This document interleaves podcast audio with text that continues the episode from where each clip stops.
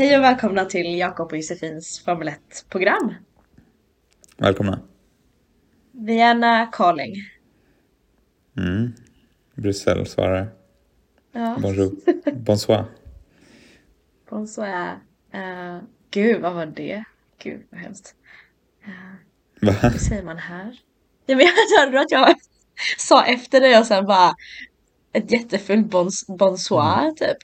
Ja, nej, fan pinsamt. Jag tänkte jag, jag blev så frusen i min prestation. Ja, jag fattar. Guten Abend skulle jag säga. Guten Abend. Guten Abend. Mm. Ah, ja. Ja, um, får jag börja och bara reagera på Qatar? Det är ju jättelångt efter Qatar-racet. Men jag var så jävla arg ja, efteråt. jag bara jag kopplade det. bara. Jag, jag trodde inte jag skulle behöva tänka på Qatar på ett år till. Men, okej. Ja, du måste. Det går fort. Ja, jag är ju också i och för sig på EU-parlamentet så vi pratar ju fortfarande om det här Qatargate. Ja, ja det är en stor eh, Det var i det förra, ja i december förra året med den här korruptionsskandalen. Det har fortfarande snackats lite om. För man har gjort Ja. stora reformer efter det och sådär. Ja, ja, skitsamma. Okej, jag ville mest bara säga att de ska ta bort racet till Qatar. Det är min De borde det. ståndpunkt. De borde Mm. det, ja. De borde ta bort racet i Qatar. Ehm, och det har ju uppenbarliga skäl. Ehm, Mm. Inte bara liksom ehm, inte bara att man racear ett land med liksom tveksamma mänskliga rätt- rättigheter liksom. Mm. Det är också så här rent, rent arbetsmiljömässigt för förarna. Det vet ju Mm. att det är lite svårt att prata om arbetsmiljö när det kommer till sån här elitsport. Men det känns ju ibland som, tycker jag, att när man försöker så här resonera kring vad som är rimligt för, för förare att få utstå. Då möts man alltid av att säga, ah, men de, eh, de är ju miljonärer, bla bla bla, de har ju valt det här, de är ju lite dottare, då kan man inte vänta sig. Men samtidigt tycker jag att man ändå på något sätt kan ställa krav att man kan inte köra i länder där det är 40 grader varmt och de ska hålla på och ha en jätteintensiv sprinthelg och köra jättemycket varv eh, och behöva hålla koncentrationen så länge och förvänta sig att de ska må bra av det. Jag tycker det var, jag tycker det var hemskt att se. Och också i... Jag tror de inte förväntar sig att de ska må bra av det. Det är bara att de inte bryr sig. Nej, men, äh, äh, ja, och det är väl skittråkigt. Det är så himla Ja, det hemskt. är skittråkigt. Och, och efteråt då när man liksom um, ja, man hörde lite mer om vad det var som hade hänt. Men det är så här, ja men Sargent som ehm, tog ett bra beslut och, och körde in liksom. Det var ju jättebra att han kände att hans begränsningar var nådda. Men också så här, jag såg att Landon Norris pratade typ om att det var flera som svimmade efteråt. Mm. Och sen var det någon som spydde i sin hjälm liksom och massa grejer. Eh, och då tycker jag så här att det visar ju typ att den här jävla fackföreningen de har, ehm, Grand Prix Drivers Association, som jag försökte hitta liksom eh, det minns jag ett tag, ett tag sedan försökte jag hitta liksom om det fanns några officiella protokoll, så några mötesprotokoll, men det är ju ganska tydligt att det där inte är en fackförening som fungerar. Alltså vad gör den i så fall? För att hade den haft någon riktig makt så hade ju den kunnat ehm, ha en, en tyngre roll i, i det här. Och Ja, det är ju nästan samla fel att kalla en fackförening om det är 20 förare. Ja, Det är 20 förare. Ja, ja, och det är väl också så här, för, för fackförening kommer väl med en, liksom en socialdemokratisk liksom, konnotation och ehm, en arbetar, Ja, alla ett arbetarperspektiv. Ja, och de Ja. är inte, kan man kanske inte kalla arbetare på så sätt liksom. Men ändå, alltså, då är det så här, varför har man ens den här då, om den inte ens gör någonting? Det är så, jag tycker det är så tråkigt. Alltså det, det är väl mest att organisationsformen spelar inte så stor roll här för det är ju lika, alltså, att, eh, oavsett om man kallar det en fackförening eller om man kallar det att det är förarna som ett kollektiv som pratar om någonting så är det ju Mm. det som spelar roll är ju att inte, deras åsikt spelar inte så stor roll i slutändan för vad Formel 1 tar för beslut. Att, Ja, det är ju mer studiecirkel egentligen. Om något. Ja, ja. det är sant. Ja, så det var väl mest... Det var mest det. De kommer kanske, ja. Nej.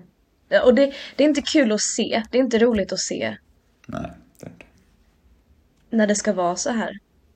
Nej. Och det är dålig Nej, det är också planering världens av att- tråkigaste miljö och liksom allting. Banan. Ja. ja men det, det, det är så dålig planering med att eh, lägga ett, en, en sprintrace på i Qatar-helgen. Ja, men bara det har ju givetvis också, ja, men det är också såklart ekonomiska faktorer. Mm. Alltså att det är en del av avtalet då, på något sätt med Qatar. Mm. För att de får ju mer uppmärksamhet och mer eh, prestige i att eh, köra en sprinthelg i Qatar. Så Ja. det pungar de upp är lite så extra jävla förstås då. Så att, eh, ja, nej, det är trist. Vi skämtade ju om när vi, när vi såg racet om att, eh, att de borde, att Tidöregeringen borde stoppa lite pengar i, i Anderstorp så att de kan racea i, i Sverige i oktober. Tre grader och regn liksom. Ja. Då kommer Alonso vara glad för att hans säte är så jävla varmt. ja verkligen. Mm. Ja, fan vad mysigt ändå. Ett night race i Anderstorp, det blir det oavsett vilken tid man kör det för att det är så jävla mörkt i oktober. Ja, exakt. Undrar hur, hur, hur skulle däcken svara på att det är kallt? Skulle de behöva ta fram de här vinterdäcken nästan? De här kedjedäcken. Som eh, Red Ja, Bull har skulle verkligen. i snön. Ja, vad kul det har varit. Ja, tänk om man faktiskt skulle göra ett sånt snö... Nej, det skulle de ju aldrig gå med på. Det skulle ju vara för osäkert alltså, såklart. Men Ja. det hade varit sjukt. Studiecirkeln skulle varför ska man köra med Formel 1 i de sådana conditions? Men varför ska man köra i liksom 41 grader också? Ja, verkligen. Nej, det är galet. Det ju... När asfalten smälter och så. Ja, nej, det var ingen vidare syn. Ja, nej, men så är det. Där är vi eniga. Ja, det var det jag hade om Qatar. Ja.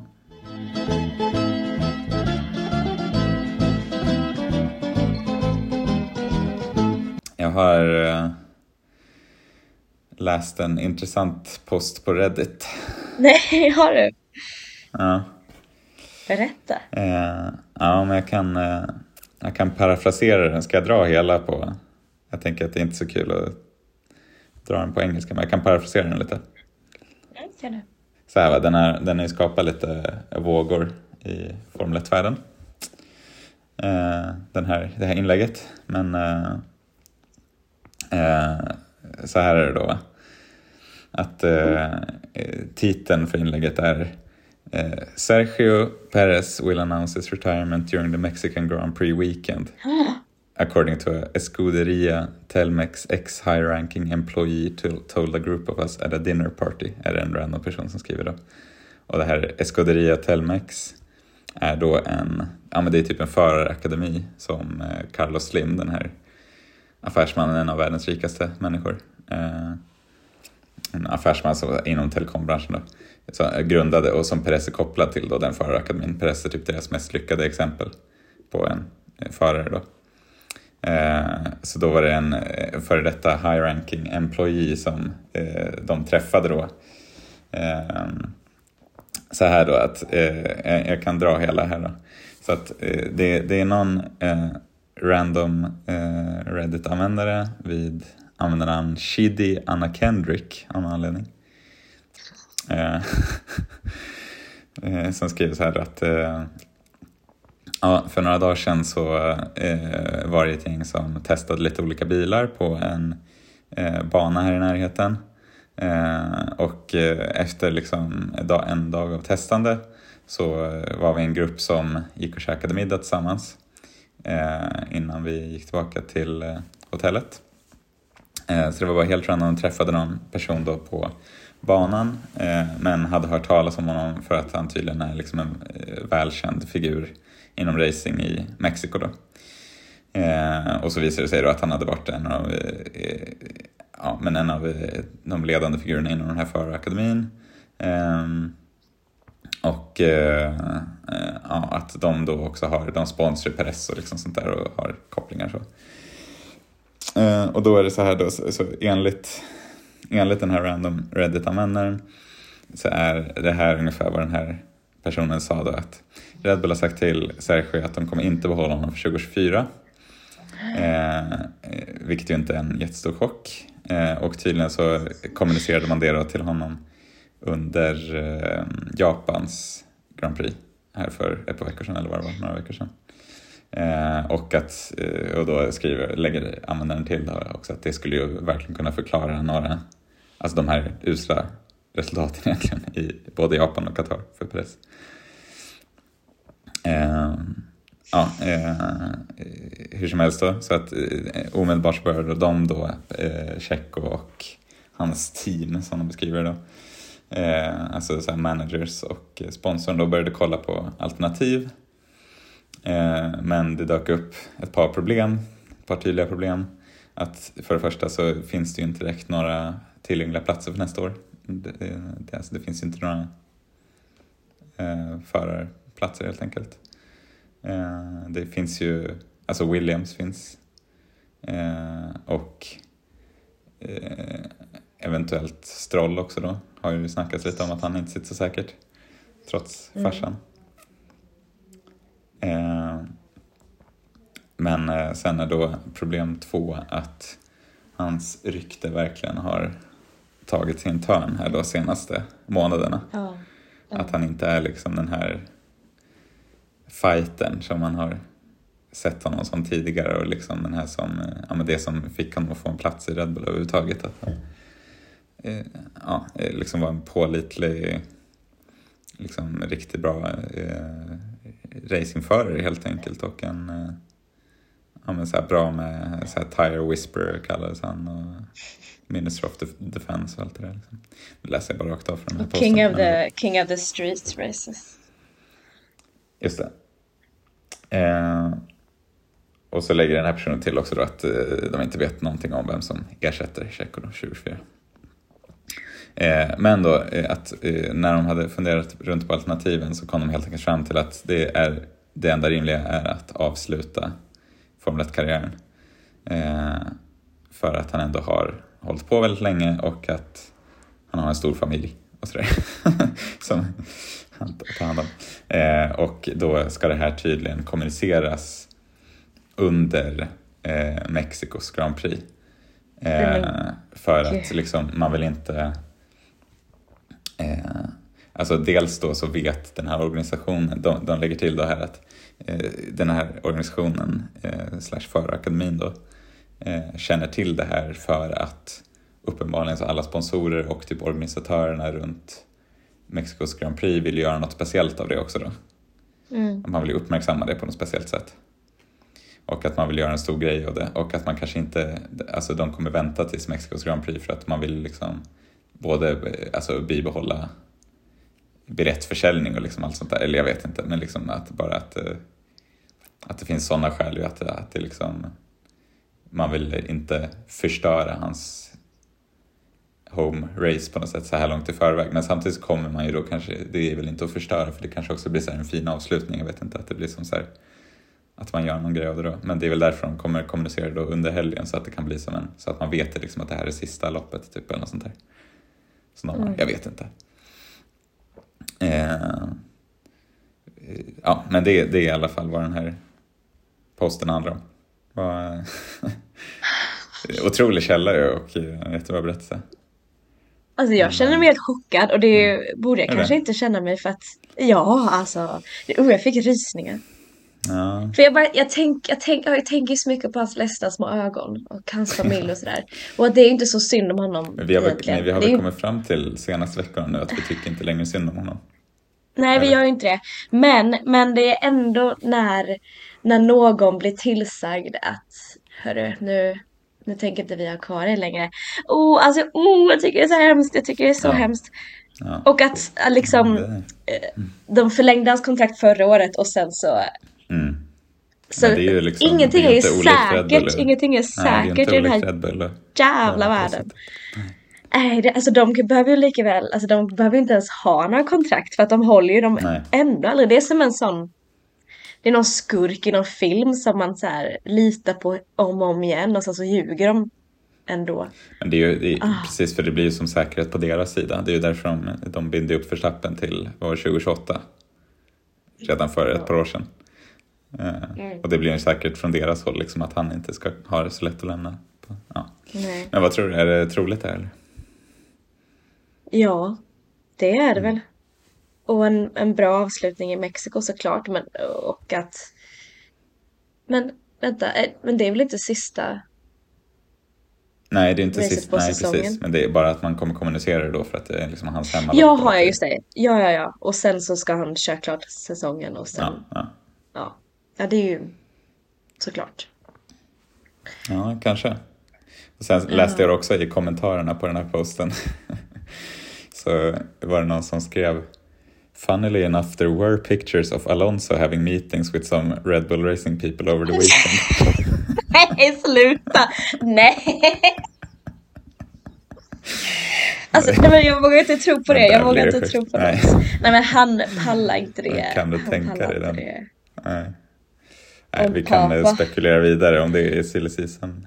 Jag tror att det är för shits and giggles. Jag tror att han gör Ja, det för ja. eh, samma anledning som han fortsatte med det här Taylor Ja, han är väl, han är Alltså, väl polare bara... liksom också sådär att det, Ja, ja, ja. ja. Ja. Nej, det Han gör vad mest han vill så att de- han är bara... Mest trevlig troliga är väl att de håller, eh, håller sig till den nuvarande ändå tippade line-upen som är antingen Ja men att de, det är de fyra förarna liksom, Verstappen, Ricardo, Sonoda, Larsson och så får man se vem som får den andra Red Bull-platsen. Lite grann. Det är väl det mest troliga Ja. känns det som. Men ja, Jag det tycker kan det vi känns så jävla spekulera i dassigt när vi att... har- Ja, när vi har det. Jag skulle Ja. bara säga att det var dassigt tycker jag att ha Ricardo som står bakom, bakom dörren Ja. och väntar för han kommer ju inte göra särskilt... Oh, ja. Men, Men, eh, vilken Reddit-historia! Ja, verkligen. Men det jag tänkte komma till med det här, det här var bara inledningen här. Jaha, förlåt. wow. Jag tänkte fortsätta min lilla historia. Eh, för det är också så att eh, Perez är eh, ändå bara, eller Perez ska man säga. Jag vet inte varför jag säger Perez. Det är sånt där. Det känns som en sån svensk grej. Ja, ja, skitsamma. Att alla svenska kommentatorer och sådär säger Perez hela tiden. Men det är ju Perez. Vet du, vet du, får jag bara flika in med en kul grej? Ja.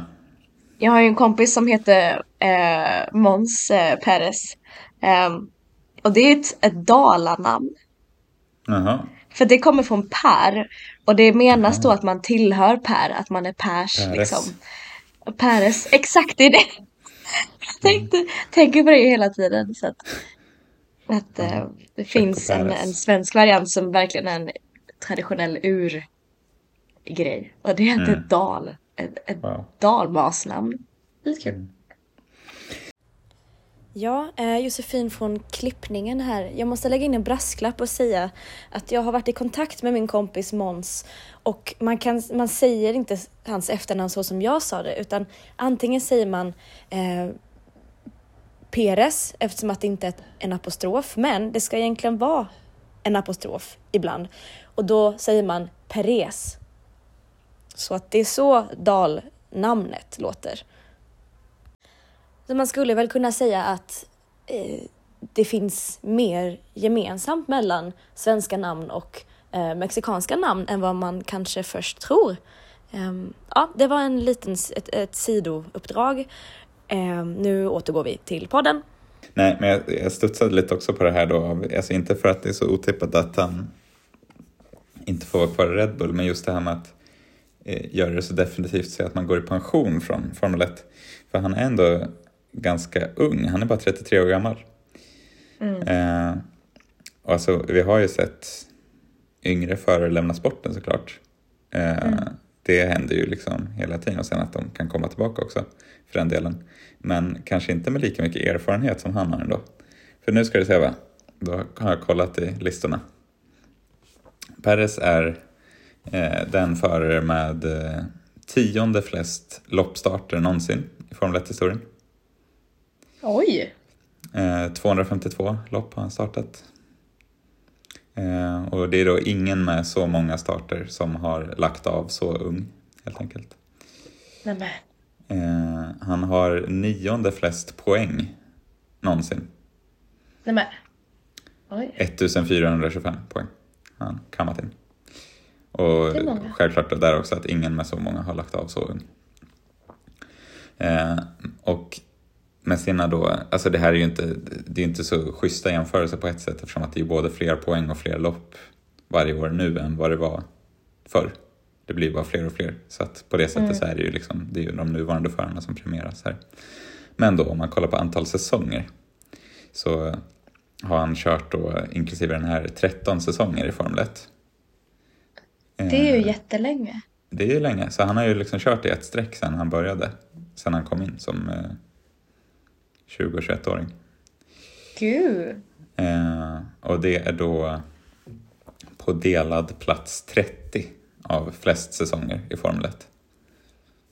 Okej, men det känns Någonting. inte så himla mycket. Nej, men Det ändå, känns inte som en bra man... placering. Nej, men sen 50-talet liksom. Alltså man räknar in alla förare. Fast då är det ju förare som har varit med i typ två race och sen inte Ja, varit med. De är ju alltid Men med det är ju också i förare som har varit som är legender liksom. Det Ja, men det är många. inte så många.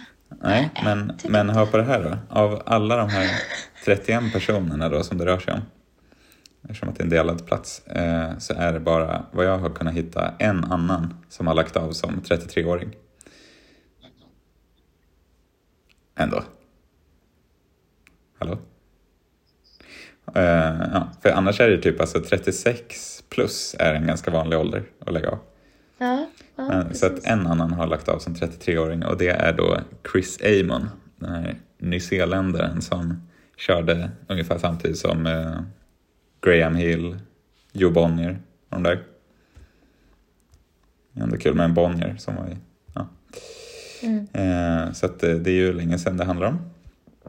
Eh, men eh, ja, det, alltså det är ju typ 70, jag vet inte, vad är det, 60, 60-70-talet blir det. Eh, och eh, eh, han då eh, tänkte jag, jag tänkte berätta hans historia då. Chris Amons historia, om du är intresserad. Ja, berätta. Ehm, Så den enda andra 33-åringen som har kört så många år som Perez, Chris Amon, han var son till två rika fårägare Nya Zeeland. Växte upp på en farm Just det, det är ju det de Manawatu. har. Det är det de har. Det är ju värde. Det är ju värde. Så han lärde sig tidigt får. att köra då på den här familjefarmen redan i sexårsåldern. Eh, Det är ju inte jättetidigt nu för tiden. Alla, typ alla Formel 1-förare nu började ju köra karting när de var två år gamla i princip. Nej, men, ja. men däromkring också sex år. Så. Eh, Så han, eh, det här räckte i alla fall för att bli så skicklig att han kunde ta en plats i Formel 1 så småningom. Chris Amon, eh, känner du till honom innan? Sen innan? Nej, jag tror inte namnet eller så? Nej. Jag har ju hört Damon, Matt Damon, men det är inte samma person. Matt Damon? Nej, det är en skådespelare. Nej, vad heter Damon Hill? Vad heter Ja, han som har... eh, Ja. Nej, jag känner inte till honom. Märker vi ju. Nej, just det. Eh, men... Eh, Matt det är då Damon. så, Nu kommer jag ihåg på vem Matt Damon är. ja, Martian alltså. Eh, Okej, förlåt. Fortsätt prata om Ford.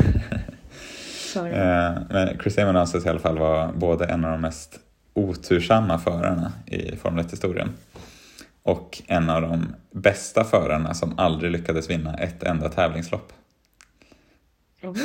under sina 13 år. Gud, vilket öde. Ja, verkligen.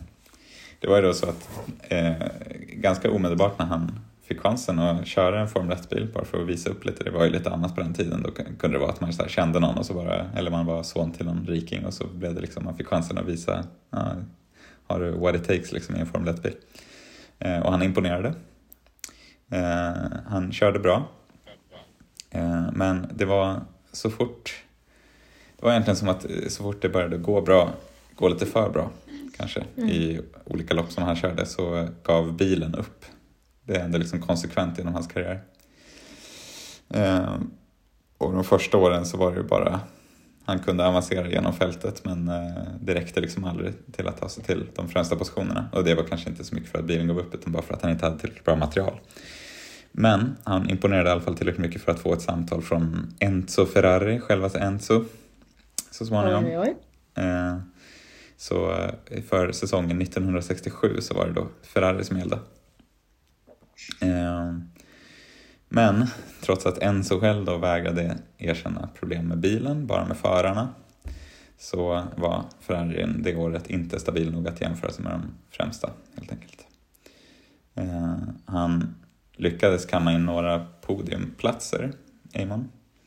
Men eh, så fort han var på väg att vinna ett lopp så var det, ja, det var oljeläckage och annat som stoppade framfarten helt enkelt. Eh, men året därpå, 1968, såg mer lovande ut.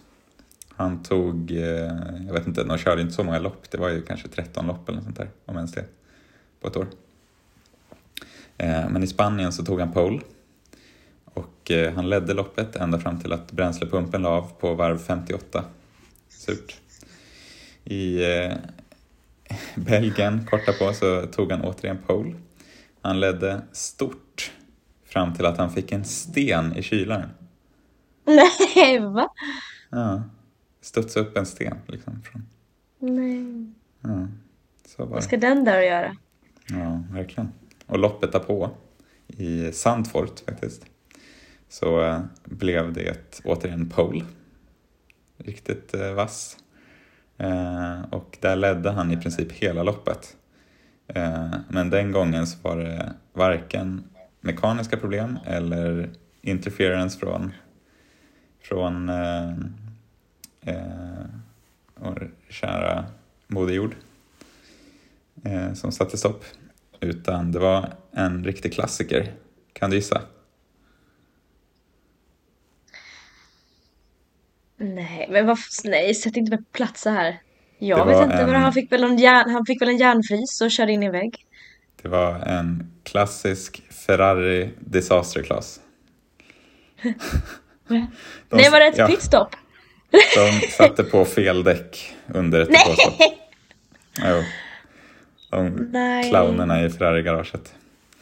Ja, det var lite regnigt och sådär så jag vet inte hur mycket det var fel däck eller om det var fel för tillfället men ja, det, var, det blev fel i alla fall. De hade väl tänkt ett däck för vad som gällde och satte på ett annat.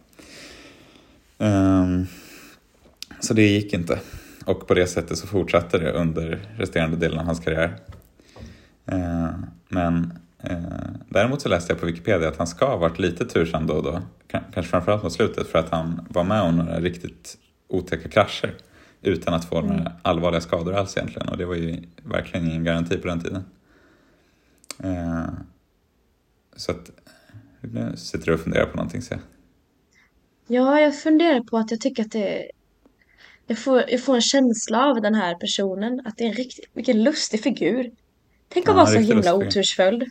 Och samtidigt vara jättetursföljd då när Ja. riktigt tursamma i de här krascherna. Ja, det är just det då att eh, efter Niki Laudas stora krasch på Nürburgring eh, 76, den här eh, den, kraschen helt enkelt med stort K för Laudas del. Eh, så då sa Amon att eh, nej, vet du vad? Jag har haft både tur i att undvika krascher och otur. Eh, eh, eh, nej, otur. Eh, tur på det sättet. Haft tur i att undvika krascher. Eh, och samtidigt då, eh, vad gäller egentligen allt annat i sporten, så har jag haft otur. Och vid det här laget så har jag sett så mycket skit att nu är det dags att sluta. Så då sa han, alltså det, det, det var direkt efter det här, direkt efter den kraschen liksom och det loppet. Då eh, eh, meddelade han att han lägger av. Eh, I'd seen too many people fried in racing cars at that stage, sa han. I samband med det. Mm. Ja, det är ju grim. Kan man ju verkligen säga. Det, ja, precis. Det är ju lite som nu i Outlander som jag kollar på. Där, där en vän till huvudpersonerna nästan i varje avsnitt får halsen avskuren. Och sen tänker man, gud hur pallar man med liksom? Man har sett så mycket skit och sen är man så ung liksom. Det är lite så också, som det som han sa. Mm. Ja, nej, så han la av efter det. Eh, Klokt beslut innan han själv skulle råka ut för någonting. Liksom. Eh, jag, vet, jag tror jag faktiskt läste att han råkade ut för någonting ändå. För han, han sa att han la av där men så blev han typ övertalad av sitt team att köra två lopp till det året. Och så i ett av de loppen så å, eh, råkade han ut för en riktig rejäl krasch igen. Men också bara så jag hade jättetur tydligen att eh, han bara kunde gå därifrån oskadd. Så efter det så, då var det verkligen så här, vet ni vad, nu skiter vi i det här. Och så drog han sig tillbaka då och drev sin familjegård i Manawatu på Nya Zeeland. Nämen, vilken Ja. historia! Han, han var bara helt, helt klar liksom. Sluta bara, gott allting. Gott. måste jag ha lite ro. Sen åkte han till Nya Zeeland och drev den här familjegården då. Ja, så det är historien om Chris Amon. Eh, Nu sitter han på kullarna och stirrar ut över sin, ja, sina ägor. ja, är han död nu? Han är död. Eh, det är han. Men eh, han, eh, han levde ett eh, långt liv vill jag minnas. Eh, eh, även, efter, även efter det här. Han dog eh, 2016. Eh, så, kan, så himla gammal blev han kanske inte. Men eh, ja. Han levde länge Oj. efter, även efter karriären. Men nu då så kanske, kanske en annan Nya Zeeländare kommer in och etablerar sig på riktigt då. Eh, Jag vet inte om han får ta Perez plats men kanske får, får en permanent plats Har han Formel 1 i alla fått hans, eh, hans ande? Ja, Han kanske har vet? fått hans ande. Vem vet, vem Oj. vet. Vem vet. Och samtidigt så ser det jag inte måste ändå heller... varit... Vadå? Nej, jag bara tänkte att det måste vara... Det måste vara något alldeles speciellt som verkar när det är... När det kan hända så mycket. alltså, blundrar och sen så mycket tur samtidigt. Så det kanske är något som slinker över till någon som kanske... Det måste Ja. vara något. Jag tyckte det var helt rätt av honom att bara dra sig tillbaka fullständigt i alla fall och bara försvinna. Mm. Eh, Jag ser det faktiskt inte som helt omöjligt att eh, Perez gör en lika komplett sorti egentligen från Formel 1 som Eyman gjorde. Kanske är läge Nej, att jag- återvända till Mexiko och ta hand om fyra barnen. Tre. Men... Nej, fyra eh, nu tror jag faktiskt. Va? Ja, jag ty- ja. Har han fått det till? ja, jag tror han har fått det faktiskt. Jag, jag Hur det hinner som- han avla alla de här barnen? Nej, jag tänkte Ja, säga att eh, Det han har ju en stor... det är nog hans eh, fru du får tänka på i det avseendet tror Ja, jag. men han, han har väl gjort något. Han har ju hunnit vara med. Och hjälpt till. Ja, har han det? Skapar det här livet, va? Man kan hoppas det. Nej, men det var ett, alldeles här i slutet av eh, september så fick han ett fjärde barn. Jag visste inte ens att hon var gravid igen. Då. Men jag tänkte säga nu för tredje gången eh, att eh, han har ju en, en stabil influencerkarriär att falla tillbaka Mm. på, har vi ju sett. Mm. Han eh, Mm. levererar ju inlägg efter inlägg med sponsrat Ja, innehåll. Så att han kan säkert leva på det ett tag. Jag tror nog han kan cruisa runt och ha det ganska gött med sina Ja. eh, stora mexikanska sponsorer och liksom kan eh, Ja. Och sin pappa som är något. eh, presidentkompis. Ja, och- vara inblandad i den här förakademin kanske och liksom ja, pyssla lite sådär med smått med det ena och det andra. Jag tror inte han behöver tänka på eh, saldot på ett bra tag i alla fall. Det tror jag. Nej, Särskilt om han blir- han kommer ju bli utköpt nu för- barn. Han kommer ju bli utköpt från kontraktet i så fall om han, om han lämnar. Så att, eh, då får han ju en Ja, rejäl kosing. det. Ja, det är inte synd om honom. Nej, det är det inte. Det är inte synd om någon, om någon av de här pojkarna. Men, Han har ju fått 13 säsonger så att han, det kanske Ja, man ska vara nöjd med. ja, så är det. Mm. Vilken historia. Ja. Det var vad jag hade den här Ja. veckan. Eh, jag ska göra en Österrike special. Men det kräver Ja. lite mer eh, forskning Alltså från min sida. om förare och sådär. får vi se vad det blir för typ av tema. Eller bara en eh, total lauda-timme. Du får se. Mm. Du får se. Alright. Ja, men då så. Då så. Det var det. Ja, men uh, ha det gött. Vi syns i Mexiko. Ha det gött. Men det är ett lopp. Säg inte så. Nej, jag ser inte så. Ha det. Okej. Hej. Ha det bra. Hej då.